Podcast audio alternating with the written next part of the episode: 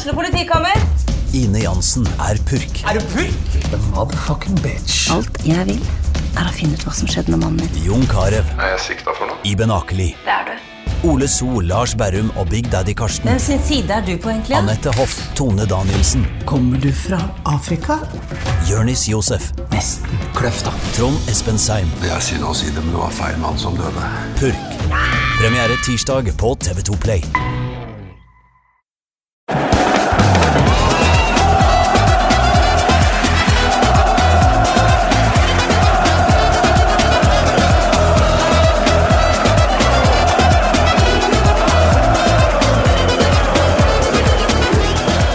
Godt nyttår, alle sammen, og velkommen til årets første Pyro Pivo. Det aller første vi skal gjøre, er å kåre vinneren av Ford-konkurransen som vi hadde gående i desember. Og vinneren av en hel masse Ford-effekter og en Pyro Pivo fotballdrakt er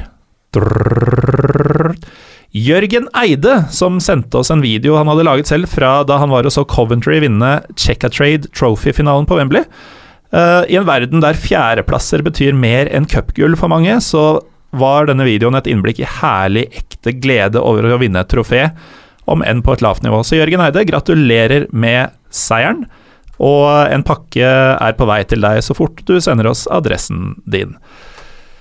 Så er det tid for årets første Pyro Pivo, og det er vel bare å si velkommen til Jorgos Andreas Karabakalis. Du er Panathinaikos-fan. Det stemmer. Så vi skal altså snakke om eh, gresk fotball og Å, det var god lyd. Og gresk eh, supporterkultur. Eh, to ting som eh, vi merkelig nok ikke har gjort i løpet av de første 49 episodene. Det har vært mye Tyrkia, det har vært mye Balkan.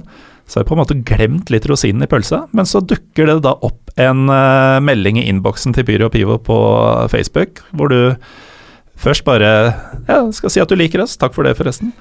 Eh, og jeg nærmest shanghaier deg inn i studio der jeg får vite hva du faktisk har å bidra med. Først og fremst, uh, du sitter her i en Panathinaikos Boxing Club-T-skjorte. Hvordan er eh, Panathinaikos-uttalen min, først og fremst? Panathinaikos. Panathinaikos? Ja, eh, de, eh, i Norge så har de mer trykk på den Naikos, Panathinaikos. Men det er pan, Panathinaikos. Er det. Panathinaikos. Det hørtes mye mildere ut enn jeg forventa. Ja. Det er ganske heavy um, eh, Hva skal vi si Heavy kultur i, eh, i denne delen av verden, og Hellas, eh, det man har sett herfra. Det er mye pyro, for å si det sånn. Absolutt. Absolutt mye pyro og mye vold også, må man jo også nevne. Det er uh...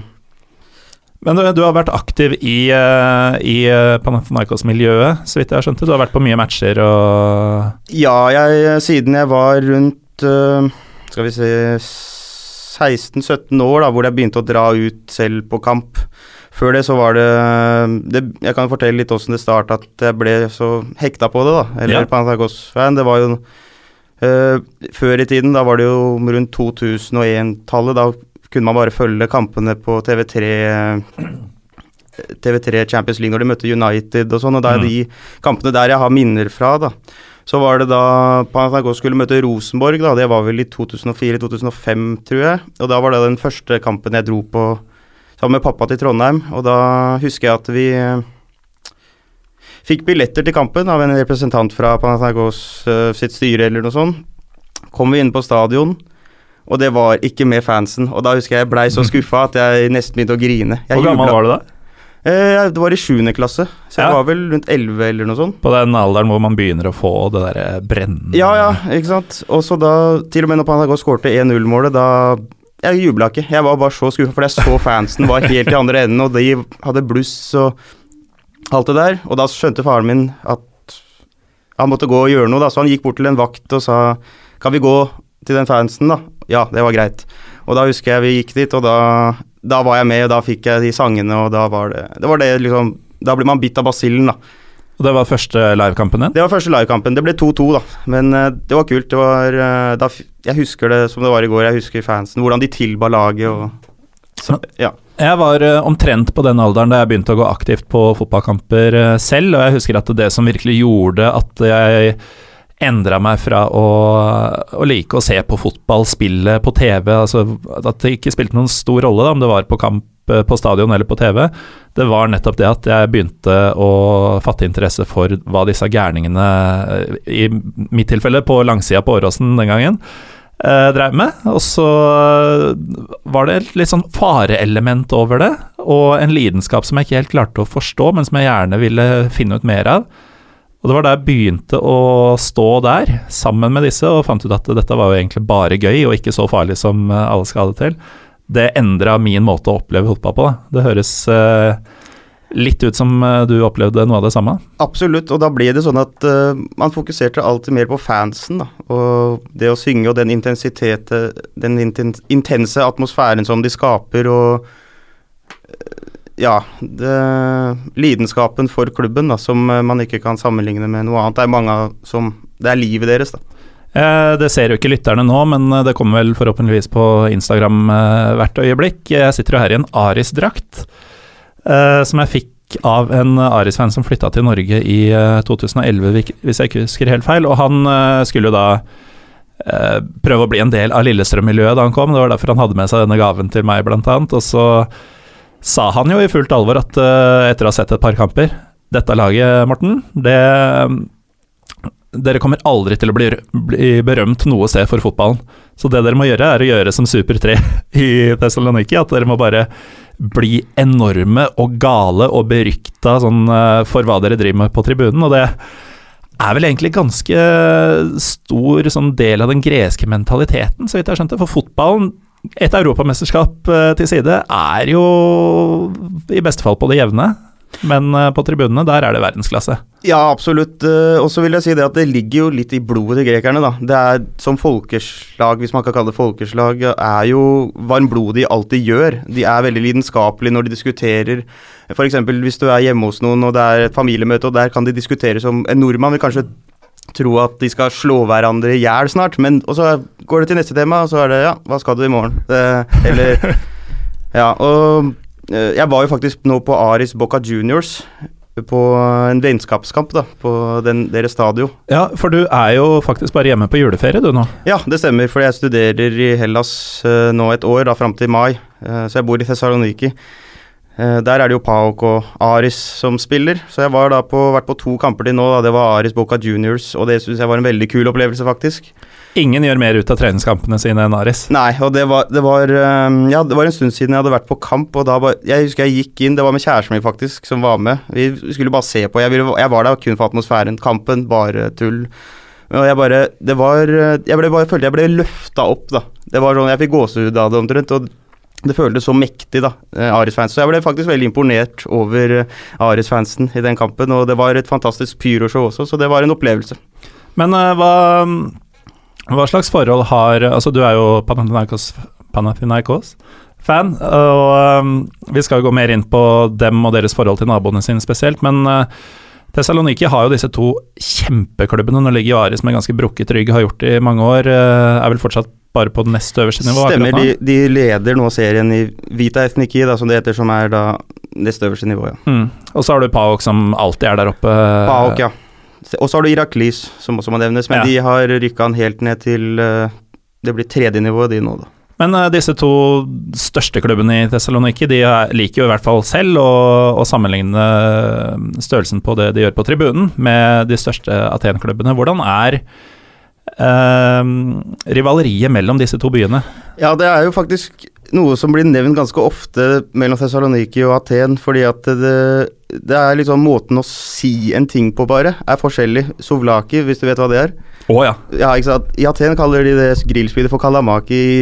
Thessaloniki kaller de det for sovlaki. Så det er, sånn, det er sånn liten ting da, som de sier forskjellig, men det er en forskjell, annen måte å snakke på. I tillegg så jeg har jeg det inntrykk av at Thessaloniki nikerne, hvis du kan kalle det det, da, har, uh, føler at de er litt sånn utelatt, da, siden at alt skal skje i Aten, der er der alle investeringene skjer, mm. uh, osv. Så eh, ligger det jo litt nærmere flere naboer også, at de kanskje er litt sånn mindre ja, ultragreske? Ja, altså de, det er jo en helt annen historie byen Thessaloniki også har, da. Ehm, men sånn som i forhold til fansen, de er kanskje litt mer old school i Thessaloniki enn i Aten. I Aten er de kanskje mer fokus på de, sånn som og Olbiagos har lager mer sånn kreativ tifo og sånn, mens i Thessaloniki er det mer sånn ren pyro og hoppe opp og ned. Jeg vet ikke hvordan jeg skal forklare det, men eh, ja. Men eh, størrelsen på det er, eh, er imponerende, det de driver med i Thessaloniki. Ja, absolutt. Jeg var også på eh, PAOK, Panathinaikos nå, rett før eh, jul. På bortefeltet, eller? Det er ikke lov med bortefelt. Ikke på de kampene heller? Nei. Nei. Eh, så jeg var jo der som alene Panathinaikos-supporter, og det var veldig guffent. Jeg ble kvalm av å være der, fordi For du måtte skjule det litt òg, eller? Ja, jeg, jeg, jeg hadde jo ikke på meg noen effekter, selvfølgelig, men jeg følte at de på en eller annen måte skulle skjønne at jeg var Panathinaikos, da. Det er, det er veldig dumt. Mm. Og i tillegg til at laget, Panathinaikos-laget er veldig dårlig for tida og ligger i en veldig vanskelig situasjon. Og de taper jo 4-0, og da var den opplevelsen ikke noe kul i det hele tatt, Uh, å være der. Uh, og når de står og skriker ja, om mødrene til oss, og eh, at vi skal rykke ned, så er det ikke så kult å være på kamp der. Men eh, det var kul atmosfære, men jeg syns Aris var kulere. Det går ut fra utover mødrene i Hellas også? Ja, det gjør det. At eh, hvilket yrke mødrene har, da, kan du si. Det eldste i verden? ja, og det er, det er ganske mye ekstreme, stygge sanger der som Mm. uh, Hvis de hadde sagt det i Norge, hadde det blitt skikkelig sånn Nei, det kan du ikke si. Kanskje ikke det du liker best å høre, men jeg kjenner jo igjen alt dette her fra mine mange turer til Tyrkia, blant annet. Men det er bare Tyrkia til en viss grad skjønner hva de sier. Uh, og akkurat det med å skulle bli busta som uh, fan av bortelaget i en sjø av hjemmefans, det har jeg faktisk vært med på uh, motsatt vei. Det var første gang jeg var på Fenerbahçe Galatasaray. Så var det et par karer foran meg som helt åpenbart ikke syntes det var like gøy som alle andre de gangene Fenerbahçe scora. Eh, fikk veldig vondt i ryggen, blant annet han ene, og måtte sitte mens alle andre rundt seg sto da det var 2-0. Han ble veldig mye bedre i ryggen da det ble 2-1 i en periode. Og så måtte han tydeligvis gå tidlig for å hente bilen før trafikken kom, da, i anførselstegn, da det ble 3-1. Ja, ja. Eh, så alle rundt der visste, Men de visste gjorde ikke noe med det? Nei, eh, det var en relativt rolig del av stadion, Ja, men var- de, de fikk jo meldinger, for ja, å si det sånn. Jeg var eh, på den rolige delen av stadion, jeg òg. Men uh, hvis du hadde vært i det verste stedet, hadde det jo vært ferdig. Ja. Ikke sant? Så, Men de roligste stedene på Jeg har vært på um, partisankamp også. Og da hadde vi langsidebillett. Dyreste billetten på stadion, bortsett fra VIP. da. Uh, langside. Nøytral tribune, visstnok. Vi var helt på midtstreken. Og det var kanskje si eh, fem meter maks i hver retning hvor folk faktisk satt. Og resten av sittetribunen sto. Og det var barn, kvinner, eh, voksne, holdt jeg på å si. Eh, alle sammen. Men de, de sto, og etter at Partisan da slo Røde Stjerne, som var matchen jeg var på, så var det ikke sånn at barna og kvinnene f.eks. holdt seg for gode til å skrike skjellsord mot Røde Stjerne. Alle er med, og sånn innbiller jeg meg at det er litt i Hellas også. ja, noen deler av det i hvert fall. Noen deler av stadion. Det er veldig sånn avhengig av åssen kampen går, egentlig. Faktisk, Ja. det vil jeg si. Eh, hvordan hele stadion er med og ikke, men selvfølgelig Altså, du ser fedre med ungene ved siden av som skriker lærer, uh, Ungene tar veldig opp fra det de sier, da. Og jeg husker når jeg var på, til og med på den Aris Boca Juniors nå, så var det en far som jeg hørte sa dritt på graven deres til dommerne, og bare sånn I en vennskapskamp, og barn står rundt og, og hører det, og de lærer jo av det. Jeg husker jo når jeg var ung, og jeg syntes det var supertøft å skrike de tingene. Ja, man Men- lærer jo at det er sånn det skal være. Ja, og da, men nå har jeg litt annen syn på det, at det er faktisk ganske forferdelige ting man sier. Og ja, men det er jo med å skape en intensitet, da, på en måte. Ja, til uh, de grader, eh, vil jeg si. Ja. Eh, apropos intensitet, så bare slo det meg nå eh, da, du, da vi snakka om eh, at alle er med.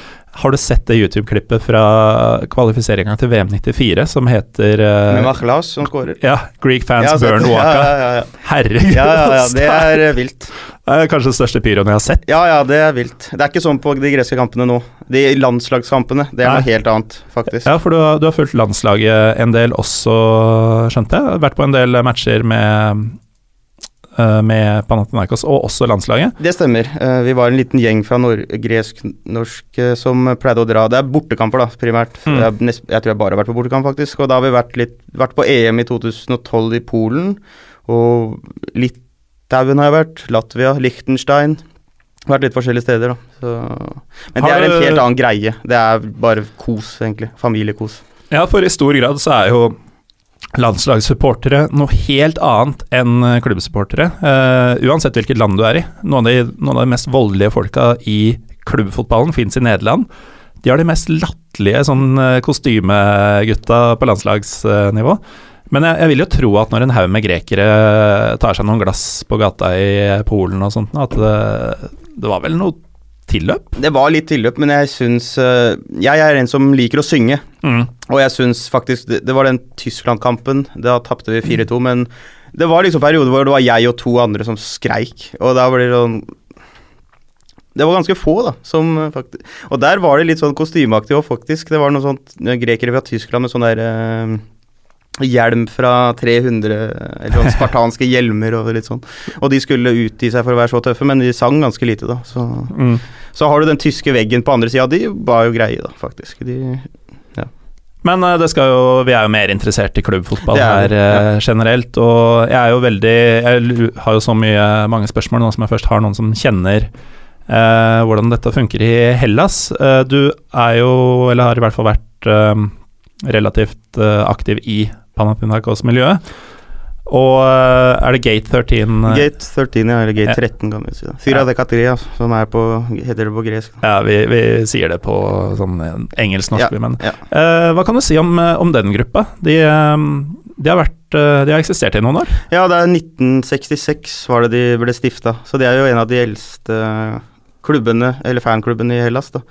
Ja, og i verden, nesten. Ja, ja organiserte eh, fans. Eh, det har jo utvikla seg også der, da. Det er jo sånn at eh, det er ikke bare én klubb. Det er, du har én stor hovedklubb i sentrum, og så er det sånn alle områder De fleste områder i Aten har sin egen klubb, fanklubb, som er et lokale. Det er viktig å presisere at de, for å være en ordentlig fanklubb, så må du ha et lokale da, hvor de som hører til den eh, bydelen, går, da. Ja, og de må ha, møte visse kriterier som er satt fra sentralt sant, for å kunne godkjennes? eller? Ja, ja, de eh, Altså, det er, altså hvilke, det er noen kriterier selvfølgelig for å bli en ordentlig klubb, ja. Mm. Så de, de har jo sitt eget styre, hver fanklubb har jo sitt eget styre og, og sånn, og er eh, Kan være litt unik, da, på en måte. At eh, alle er ikke enige om alt alltid heller. Men hva betyr dette i praksis? For det er vel uh, Disse jobber jo mot et felles mål, og når kampen kommer, så skal de jo inn på samme tribune. Ja, ja, uh, absolutt. Det, det merker man ikke så veldig mye på, uh, egentlig, at det er forskjellige klubber. Alle går jo inn og synger og, sånn, men det har jo vært faktisk noen diskusjoner rundt eieren til, til basketlaget, hvor noen har vært uenig i hans rolle, og da har det vært at noen fanklubber har gått imot han og gitt uh, pressemeldinger imot han, og så etterpå har noen andre sagt for han. Så Igjen veldig gjenkjennelig fra, Ja. fra deres eh, ikke altfor uh, rolige naboer i, eh, Ja. i øst. Eh, det er vel kanskje noe som går igjen i den delen av verden, og eh, jeg vet ikke hva det er. Eh, jeg elsker alt med det. Eh, jo flere turer til det området Jeg har faktisk aldri vært i Hellas. nei, nei da, Eh, når vi først er inne på det, jeg skal til å si eh, jo flere turer til sånne steder, eh, jo bedre. Og når jeg først er der, hvor bør jeg begynne? hm, Jeg vil si du bør begynne i Aten. Eh, Ikke overraskende, men Nei. eh, hvorfor? Eh, der, har, der har du flere muligheter. Du har eh, Objektivt sagt, du kan dra på Olympiakos-kamp, du kan dra på Patagos-kamp, men eh, du kan også dra på basket, eh, som er veldig Veldig stor interesse for basket. Eh, når Olympiakos og Panathinaikos spiller jo Euroleague, og der er det jo ganske bra atmosfære på de kampene også. Og i tillegg så Byen er jo i seg selv veldig interessant. Du har litt eh, den krysningen mellom det moderne og det antikke, da. Men Thessaloniki også, er der bor jeg jo nå. Og det er også fantastisk by der også. Og Jeg hører du nevner ikke AEK i forbindelse med Aten. jo, er det, jo, det kan jeg jo si. Det er eh, Jeg har ikke hatt så stort forhold til AEK, egentlig. AEK, som jeg sier, da. Det har jeg ikke hatt så stort forhold til, egentlig. Men eh, det er jo også en av de tre store klubbene i Aten, da. Men er de sånn merkbart mindre enn de to andre? Det vil jeg si. Det vil jeg si. I supportermasse, og det vil jeg absolutt si.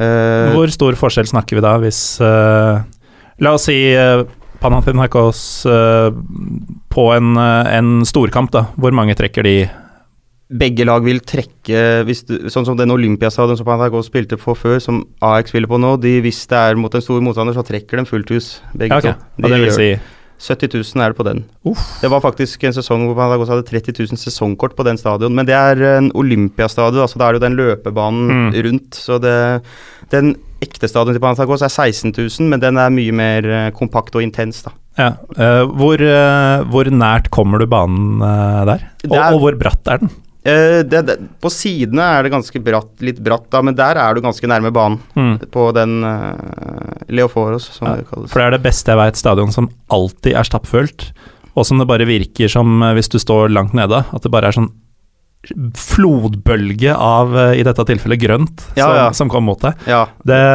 tror jeg også er langt mer fryktinngytende for en, eh, for en spiller, hvis du lar deg affisere av den type ting, enn f.eks. Camp Nou, som eh, Ja da, det er åtte ganger så mange mennesker der, men de er så langt unna, og de Det er så slakt. Så Jeg de- tenkte faktisk på det her i går, fordi jeg så Arsenal-Chelsea, og da syns jeg at den stadion var så Det gikk så langt ut Emirates? på sidene. Ja, Ja, men den er faktisk helt uh, latterlig lite intim. ja, det er det, ja. ja. Uh, jeg så det, men der kan jeg sammenligne det med Aris og Paok sin stadion. Så Mm. Paok sin stadion er mer sånn oval rund, da, så det går lenger ut på sidene. Men Aris er mer, mye nærmere banen, og det er kanskje litt av den grunnen til at jeg syns det var mye kulere og mye mer intenst. Men eh, så AEK eh, har potensial til å trekke like mye folk som eh, de andre, men som Det er en hva- mindre klubb. Ja, antall titler, antall følgere Antall, I alt de tingene der. Begge deler. Og både Og i uh, hva de har gjort i Europa, da. Ja, Mm, det, den er ganske klar. Ja, eh, men altså det er en stor klubb det òg. Det, en det er en betydningsfull klubb. Jeg vil at AX skal være bra. Jeg vil at alle de store klubbene skal være gode for å få et bedre produkt. Fordi jeg syns ikke det produktet gresk fotball er noe spesielt bra akkurat nå. Og Det er jo, med respekt å melde, det, det er jo litt sånn for sånne som meg, da, som ikke vet forskjellen på å si Atromitos og Panionios. eh, Så er det de tre klubbene samt de to Thessaloniki-klubbene jeg ser etter hvis jeg ser tabellen. Og hvis eh, et lag jeg holder med skal trekke et eh, gresk lag i Europa, så blir jeg veldig skuffa om det ikke er et av de fem. Uh, og det er rett og slett fordi de andre blir litt anonyme. ja, uh, Atromitos har faktisk gjort det ganske bra i år, sånn fotball på, på banen. da. Eh, og der er keeperen der til Atromitos, han heter Andreas Janjotis. Han er uh, broren til eh, kona til fetteren min.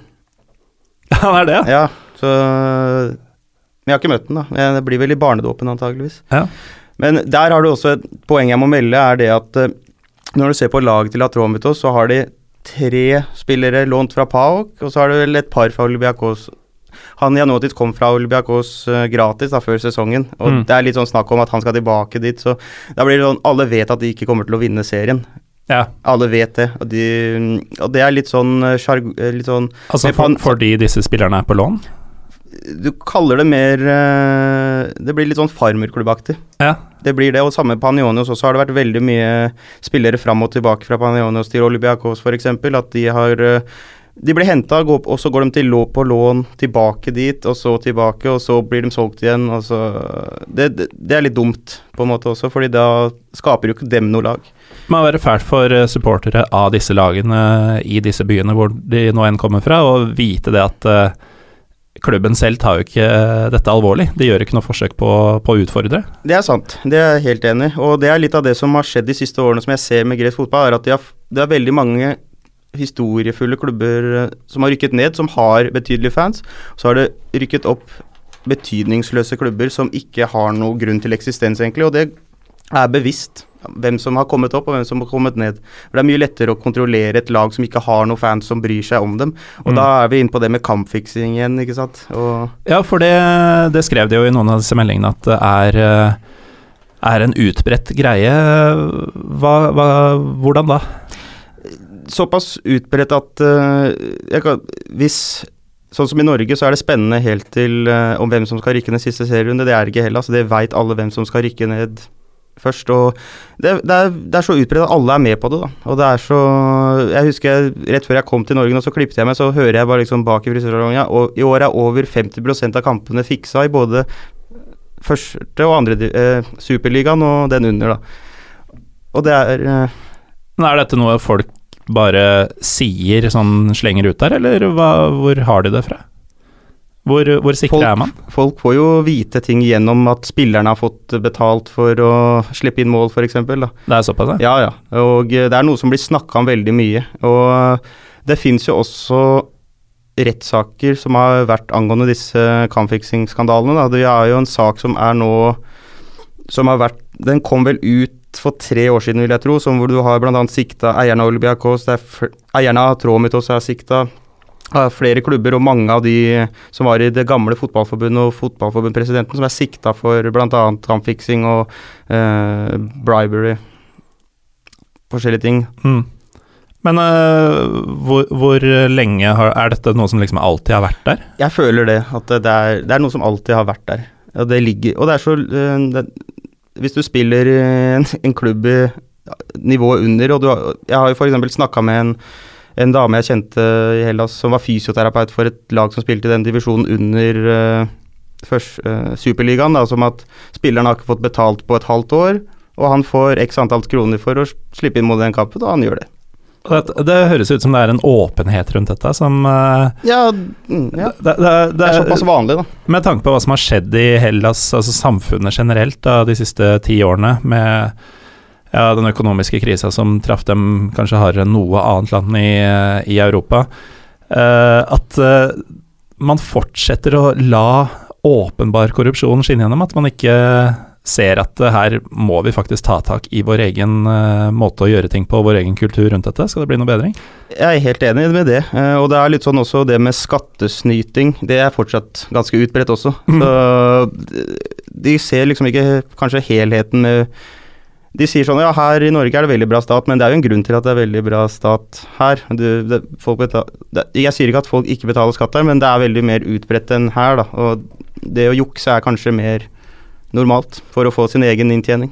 Men når vi er inne på stat og politikk og den type ting, så eh, nevnte du før vi gikk på lufta her, holdt jeg på å si, i hvert fall på melding, at eh, flere av disse um, supportmiljøene eh, også spiller en rolle i det greske samfunnet.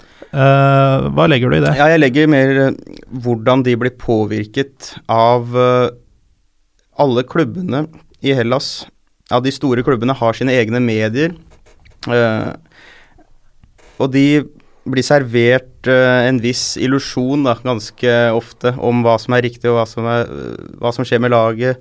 Og det som blir farlig med dette, her er at jeg har et eksempel fra Pireus, der Olbiagos er fra, da, hvor eh, for tre år siden så var det et kommunevalg der, hvor det var uh, han eieren av Olbiakos og en uh, som hadde vært i styret i Olbiakos, som stilte til valg da, for et nytt parti de, de hadde stifta. Og da stemmer jo selvfølgelig de Olbiakos-supporterne på dem. Og det- Ja, fordi deres mann er der. ja, og de, og de bruker da gamle fotballspillerlegender. Du så på de valgkampanjene at du så Nikopolidis der, hvis du vet hvem det er, og Christian Karembø, og da bruker de jo fotballen til sine egne interesser, og bruker den fansen for at de skal få deres kandidat fram, og det er det er ganske problematisk, syns jeg. da. Eh, Det er ganske farlig at eh, det er en kombinasjon av ignoranse og, og fanatisme, som Mm. blir, og, da, og det skal styre sånne ting. Ja, for da du begynte å snakke nå, så trodde jeg at eh, det bar til at eh, nei, klubbene har sine egne medier, og gjennom det så er det et propagandaapparat for hvordan supporterne skal oppleve det som skjer Absolutt. i klubben, f.eks. Men dette går jo langt forbi det. Ja, det gjør det. Altså, det er en helt egen del av det. Det som jeg sa, det med de egne avisene. Det, du har disse avisene som hvert lag Olympiakos har vel tre eller to sånne aviser, da, kan du si, sånn papiraviser. Og så har hvert lag Panathinaikos har én, den er styrt av eieren til basketlaget. Og det er så gjennomsyret propagandaaviser. da. Ingen kjøper de, men de henger på disse Jeg vet ikke om du har sett, kanskje i Tyrkia har de sånne der, eh, kioskboderaktige greier. Mm. De henger oppe Noen der. vet du. tapetserte vegger med Ja, ja, og da er det sånn Selv om du kanskje ikke kjøper det, men det, det, når noe blir nevnt en visst antall ganger, så tror du på det, så det legger seg i underbevisstheten din. Eh, og det hører jeg hvis jeg hører en uh, dette, er, dette er, trenger ikke å være de organiserte supporterne, dette gjelder alle fans av lag. Altså Mm. de som bare heier på et lag.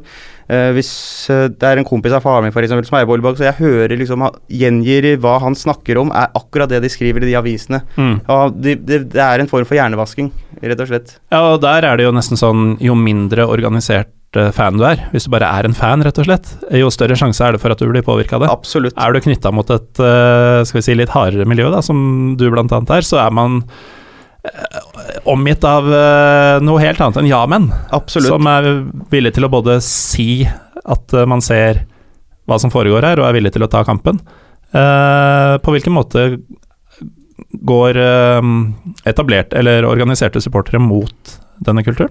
Nei, altså eh, Mange jeg kjenner, f.eks., de er, ve- har vært veldig imot den eh, avisen de på som er eid av han basketeieren, f.eks. Hadde de Og det har i tillegg vært en tidligere avis som var styrt av den forrige fotballeieren. eh, så Men samtidig så det er, det er ikke så lett å si, fordi det er mange som også kjøper det, som er organiserte. Det er, den harde kjerne er ikke så absolutt så mange som man skal tro, altså.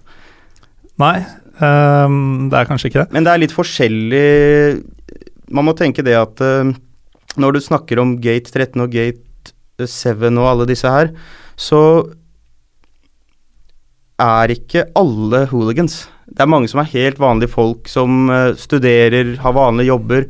Det er, du har liksom hele samfunnet representert der i en stor grad. Det er veldig viktig for meg å få frem at eh, mange har liksom det inntrykket av at alle der er en gjeng med gærninger som går og slåss hele tida, men det er ikke sånn. Det er selvfølgelig en del av det også, men det er ikke sånn at alle som liker å være organisert Det er de som er interessert litt mer enn de andre, for å si det sånn, da. Men det betyr ikke at du er en hooligan. Brennende engasjement er ikke det samme som uh, å være en slåsskjempe. Og, Og dette er jo sånn som uh, du og jeg vet, men uh, du snakka jo med en fyr utafor her som fortalte hvor skummelt han syns det virka å dra på f.eks. et Aten-derby eller et Istanbul-derby. Og eh, jeg har vært på flere av dem, du har eh, helt sikkert vært på flere av dem.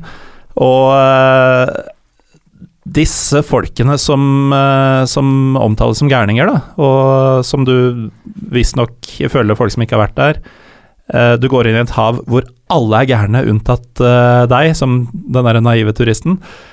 Det er jo vanlige folk. Det Mm. er bare at det er vanlige folk etter greske standarder, tyrkiske standarder, serbiske standarder, som da er litt annerledes. Men de aller, aller fleste av disse er der for å synge, hoppe, veive med flagg på en helt annen måte enn det vi ser i Norge og jeg holdt på å si Sverige, men der er det jo faktisk nesten gresk. Ja, det har blitt veldig bra i Sverige, faktisk. Eh, men det er ikke så eh, Til dere lyttere, det er ikke skummelt å dra til disse stedene, bare du er noenlunde fornuftig. Ja, det er Og gevinsten for å få med seg en sånn opplevelse, den tar du med deg for livet. absolutt. Eh, Det er eh, Jeg syns det er noe fett, men det er, for meg er det ikke noe gøy, så gøy å dra på kamp i Norge, da, fordi jeg veit liksom hvor intenst og sykt det kan være, da.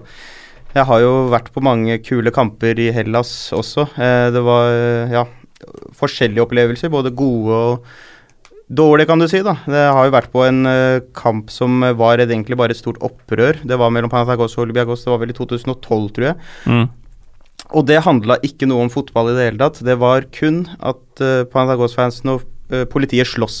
Det var før kampen, under kampen og etter kampen, og da så jeg ganske heftig vold rundt meg hele tiden. Da, og, da, og politiet kasta de tåregassgreiene sine overalt, og det var overalt vold, slåsskamp mellom Banagos-fansen og, og politiet. Og det, det, for meg var det sånn at det her er for begge sider. Politiet er like mye med på det her, jo. De provoserer og uh, så det er ikke helt svart-hvitt der, at uh, det er en god og dårlig side der. Når på året var dette, bare rein Jeg tror det var i februar. Ja, ok. For mai samme år så opplevde jeg det samme i Istanbul Ja. med Fenerbahçe og, Ja. og politiet. Eh, så det kunne nesten vært eh, samtidig Ja. at vi sto der i hver vår eh, Ja, det, det, men for meg så ble det litt sånn surrealistisk, da. Jeg klarte liksom å oppfatte hva er det som skjer rundt meg her. Jeg ble ikke noe Nei. redd eller noe sånt. Nei, fordi selv da så er det ganske lett å bare gå sin vei. Ja, jeg sto litt sånn unna det òg, da. Men jeg husker det at faren min ringte meg etter kampen og sa ja, hei, går det bra, jeg veit hva som har skjedd. Og så ja, det går bra, jeg hadde ikke hatt skjedd noe med meg. Slo, la jeg på, og så et sekund etterpå kommer det en sånn uh, granat av uh, tåregass Mm. rett ved meg, og da bare hel, Alt begynner å renne, og du får ikke puste og sånn. Så, Vi hadde jo en egen episode om, eh, om å bli tåregassa, fordi det har skjedd med både meg og et par av gjestene vi hadde den gang, et par ganger. I, i Tyrkia hver gang, men det er, det er mer enn bare tårer. Det, Ja. det fucker jo opp hele Ja, ja. Det er Eh, vi har dessverre ikke så mye studiotid som jeg skulle ønske, fordi de foran oss uh, brukte for mye tid, og det går utover oss. Uh, så mot slutten her nå, så tenker jeg bare med å velge ut et par ting jeg vil, vil høre om, og det er jo selvfølgelig de feteste kampene du har vært på. Nå har du jo nevnt både politivold og, og en treningskamp som så ut som en Champions League-finale, i hvert fall ut fra engasjement. Men uh, for eksempel ditt beste Panathinaiko, Panathinaikos-øyeblikk live? Det var nok uh, mot Villarreal i Champions League første utslagsrunde i Var det 2008-2009-sesongen, lurer jeg på. Eh, da jeg, gikk jeg vel på første videregående, og da var jeg vel 16-17 da. Og dro jeg med, med en kompis fra Norge som er gresk, han òg. Og da var det 70 000 på tribunen og et sinnssykt pyroshow. Og selv om vi tapte, så var det mm, en mektig opplevelse, vil jeg si. Jeg husker etter at vi hadde skåret eh, det 1-1-målet fordi de andre tok ledelsen. Jeg så bare nettet riste på andre siden, det er jo løpebanen, men jeg bare ser, ser rundt meg, da, og da ser jeg bare hvor mektig det er, hvor alle står og skriker, og, er, og det de skriker, og det skaper en helt sinnssyk intensitet som eh, det ikke går an egentlig å beskrive. Eh, ja. Og, og se det som eh, liksom er ditt lokale lag. Eh, ikke noe sånn herre 'dette er mitt engelske lag' eller 'mitt tyske lag', eller, men dette er faktisk ditt lag. ja. Oppleve dem i en sånn setting, med så mye folk og så mye på spill mot en sånn motstander. Ja, det er, eh, det er helt Ja, det er, det, Det er ekte. Det gjør det spesielt også, at det er Champions League. Og nå er det litt sånn Nå tenker jeg det, Nå blir det nostalgi for meg, Fordi nå er det sånn Nå tenker jeg at Panathinaikos aldri kommer til å spille Champions League igjen. Dessverre. Eh, Det er ganske usannsynlig. Ja, Helt til slutt, hva er det som er greia med Panathinaikos nå? Du nevnte det innledningsvis, Ja, at altså- de ikke er eh, der de skal være. Ja, altså egentlig de siste fem årene har de vært øh, hatt høy gjeld. Det har vært veldig dårlig ledelse i klubben. Øh, og nå, akkurat i år, har det gått veldig dårlig. øh, både på banen og ute på banen. Spillere som øh, krever inn lønna si fordi de har ikke fått betalt. gamle spillere fra sikkert ti år tilbake som begynner å komme og kreve inn lønna si. Så Mm. ingen vet faktisk hva som skjer med klubben, men den har jo slitt de siste årene. Og nå er det sånn, vi snakker ikke og, nå, nå, Jeg husker jeg tenkte på det at uh, før snakka man om, om å gjøre noe i Europa, altså komme videre fra gruppespillet, og så ble det snakk om å vinne en kamp i Europa, for det har vi ikke gjort mm. på fem år, eller noe sånt. Og nå er det snakk om å komme inn i Europa. Så det Ja. Det går Pila bør snu snart. den gjør det, eh, men det, det er litt sånn med Hellas at ting kan endre seg plutselig. Om det kommer inn en eh, en rik eier. Sånn Ja. som var med Pauk, f.eks. Hvis jeg kan trekke inn det at de var jo også høy gjeld, men der kom det en eh, sånn russer-greker som kjøpte de opp, og de er jo ligger jo bra an nå i serien, i hvert fall. For det er jo vanskelig å se for seg at en uh, klubb som Panathinaikos, kanskje den aller største i landet, uh, at hele landets rikinger og politikere skal se at den går under. Det er, man tror vel egentlig at det, uansett hvor ille det blir, så blir de redda Ja, det kan hvis det kommer ja, til stykket. jeg, jeg vet Ja, jo, selvfølgelig. Det, jeg tror ikke den klubben forsvinner. Men eh, den har jo vært eid tidligere av eh, noen av Hellas rikeste, så Mm. Men eh, de gjorde jo ikke så bra med klubben akkurat den siste perioden, i hvert fall. Da må vi dessverre gi oss, og det er ikke fordi vi vil, men fordi vi må. Det er trøkk på studiotiden her, men det betyr jo bare egentlig at vi må ta en neste runde neste gang du er tilbake i Norge, Jorgos. Ja, det blir vel ute i mai, tenker jeg. Starten av juni. Men det hadde vært hyggelig å komme tilbake. Jeg Ja. føler at det er mye mer å snakke om, Det, egentlig. det er det. Jeg har eh, masse, masse notater som vi ikke har fått eh, gått gjennom, men sånn er livet innimellom. Ja. Tusen takk for at du kom. Veldig hyggelig å komme. Jeg så fram til å komme, og det var gøy å være med også. Og til dere lyttere så viser Jorgos eh, sitt besøk at det er ganske lett å, å få plass i stolen her. Det er egentlig bare å sende oss en melding og si hva du har å by på, så er jeg raus med invitasjonene. Og eh, må jo si at det har fungert veldig bra. Ja. Um, da er det vel egentlig bare å si eh, Er det Yamas? Yamas, ja, det skal vi har litt igjen i boksen vår, ja, begge ja, to. Ja. Eh, og til dere som hører på, så heter jeg fortsatt, som i fjor og året før det, Morten Gallaasen. Vi er fortsatt Pyro Pivopod på Twitter og Instagram. Fortsatt godt nyttår, og vi høres neste uke.